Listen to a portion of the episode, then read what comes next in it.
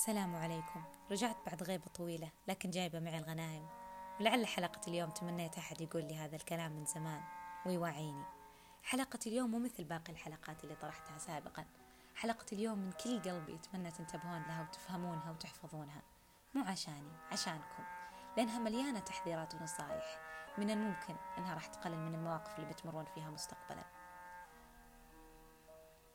مو كل الناس تشبهكم بطيبتكم ونيتكم الصافية. مهما قدمت لهم لا تظن عطائك وإحسانك لشخص هذا راح يشفع لك عنده. لا ننسى أن إذا كرمت اللئيم تمرد. صحيح ما نعمم لكن أقولها من قلب انكسر كثير. احذر ثم احذر ثم احذر. لا تستثني أحد أبدا. لا تقول فلان مستحيل. توقع لا متوقع من كل أحد. لأننا عايشين بالدنيا. ممكن أكثر شخص تستأمنه هو اللي يغدر فيك. هذا مو سوء ظن. هذا حذر. اترك مسافة آمنة لروحك عن الأشخاص عشان لا تكون الكسرة والطيحة قوية. طيب كيف نقدر نميز الأشخاص اللي فعلا شارين رفقتنا اللي فعلا لا دارت الدنيا بنحصلهم؟ هم اللي أول من يمد يدهم بالأفعال.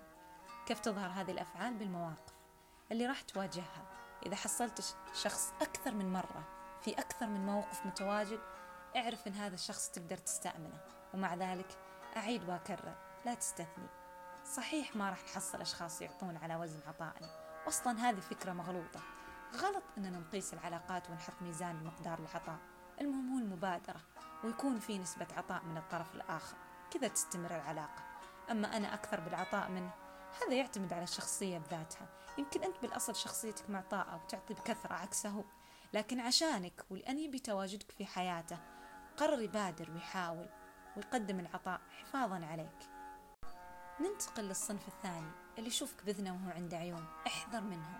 حاول إنك تكشفهم من بدري. ولا تطول علاقتك معهم لأنك بتمرض من كثر ما تحاول تبرر وتثبت مقاصدك لهم بسبب سوء ظنهم المستمر وتصديقهم للغير. وتكذيبهم لك. ليش نستهلك نفسنا وطاقتنا على أشخاص ما ودهم يشوفونك بطريقة حلوة؟ اللي يحبك راح يحبك حتى بعيوبك. راح يعطيك أعذار ما لها نهاية. بمعنى راح يتمسك فيك. هل يستحق أننا نستهلك أنفسنا الأشخاص بالأصل مو حاطين لنا أي اعتبار؟ يكفي أنهم حاطين بفكرهم أن الكل صادق وأنت أكبر كاذب. إذا ما كان أساس الحب الثقة والصدق وش بقى من العلاقة وثباتها؟ نطلق على مثل هذه العلاقات علاقة سامة. كثرة المحاولة فيها هي ضياع جهد وعمر. وهنا نرجع للماضي. هم إيش سووا عشاننا؟ وعشان نحاول عشانهم. بنحصل النتائج تساوي صفر. حتى قد يكون الصفر له قيمة مقارنة فيهم. أنت اللي في كل مرة كنت تحاول عشان تتوازن هذه العلاقة لكن هم ولا شيء مجرد إثبات وجود لا أكثر ولا أقل. هذول اللي فعلا خسارتهم مكسب لك. أتمنى نفتح عيوننا أكثر وننظر للأفعال مو بس للأقوال لأن كل يقدر يتكلم. خلوا عندكم نظرة متوازنة للشخص. لا تخلون العواطف فقط اللي تسيركم وتناسين الأحداث والوقائع اللي قدامكم واللي تناديك بصوت عالي وتقول لك بالصريح هذا الشخص ما يستحقك قاعد يستغلك ويستغفلك. أنت وش منتظر أكثر عشان ينهيك. لابد نحلل ونفكر ونشغل عقولنا لأن الذكاء مطلوب حتى في العلاقات.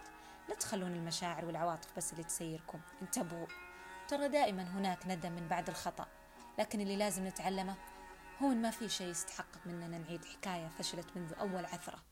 من غادرك بلا سبب منطقي سيفعل من جديد ومن خانك مرة سيفعلها بعد ذلك مئة مرة إلا من رحب ربي وتاب. لا تعطي الفرصة اللي ضيعها مرة باختياره. لأنك بتتعود إعطاء الفرص بعدها أكثر من مرة. وتستجيب للمشاعر وتتجاهل المنطق والعقل.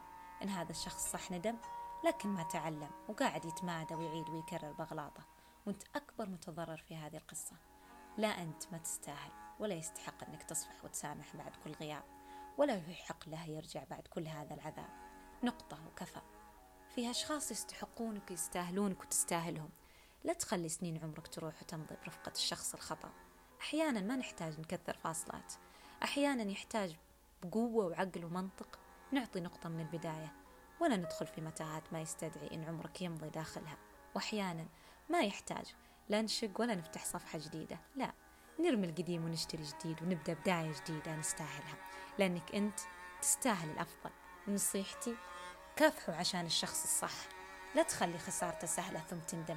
تمسك وتمسك وتمسك بعض الأشخاص صعب جدا خسارتهم لأنهم نادرين. ما راح تقابل مثلهم مرة ثانية يستحقون إننا نسوي المستحيل عشان نظل معهم. مو عيب ولا حرام. إننا نقاتل عشانهم وعشان نكون معهم وحولهم.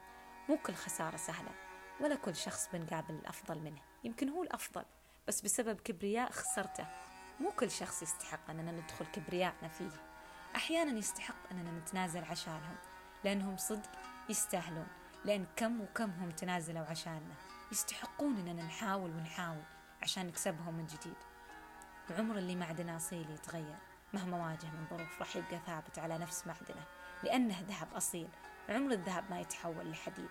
مهما واجه من ظروف بيئية قاسية يظل ذهب مثل ما هو. وأخيرا لا تدع جذورك تتعمق إلا في المكان الآمن الذي لا تقلق فيه على أغصانك.